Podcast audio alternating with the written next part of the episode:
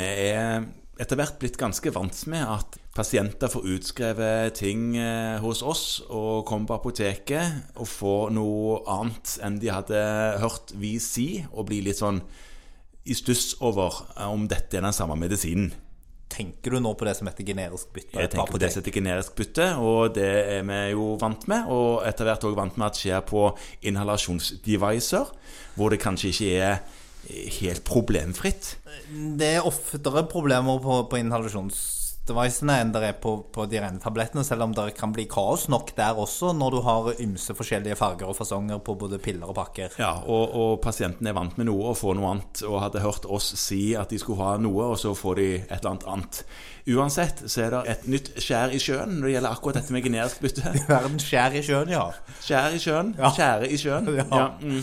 Eh, og det er Sånn går det når man spiser kjeks. Ja. Rett før man skal si sånne ting. Ja. Uh, du, det gjelder insulin. Ja, det er jo godt gammelt preparat. Ja. Sikkert eh, gått av patent for lenge sånn, siden. Ja, ja, men nå er det sånt langtidsvirkende insulin jeg tenker på, som òg har fått generisk bytte. Ja, sånn generisk Lantus.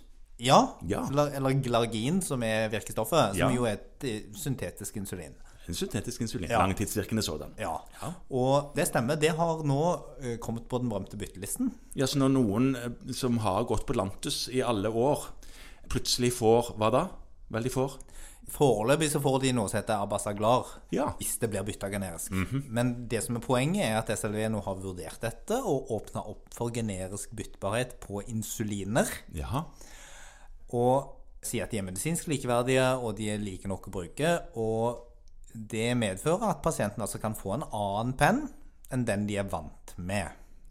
Ja, og det er jo greit at vi vet om, og for noen så er dette kanskje ikke helt sånn problemfritt. Vi må iallfall følge med på målingene. Ja, nå, nå skal det være ganske lik bruk Altså, insulinet inni er jo likt, eh, og bruken skal jo være ganske lik. Det som er en risikofaktor, er at du får en penn som ser annerledes ut, og det kan lettere bli rot. Ja. Noen av disse pasientene har jo både hurtigvirkende og langtidsvirkende insuliner i forskjellige penner og remedier liggende. Eh, Dette øker litt risikoen for feil. Sånn at man må være litt sånn ekstra på. Det er nok vanskelig for deg som fastlege i din kliniske praksis der du sitter hver dag og, og følger sånn kjempenøye med på dette, men nå vet du i hvert fall hva det dreier seg om hvis pasienten kommer og lurer på om du har byttet ut insulinet ditt. Ja, og det som er kanskje en- Nei, nei. Men Nei. det som er kanskje enda viktigere, hvis en klarer å huske det, da, det er at eh, hvis en eh, fornyer den Lantus-resepten, så kan en si til pasienten at vet du hva, hvis du får noe annet, så er det det samme. Du Ja. bare bruker det akkurat som du er vant med fra den gamle pennen din. Bare bruk det, bruk det likt. Samme måten og Ja. samme rutinen og alt mulig. Pennen ser bare annerledes ut, og det må de være klar over. For, for veldig mange pasienter så kommer dette til å gå kjempefint. Ja.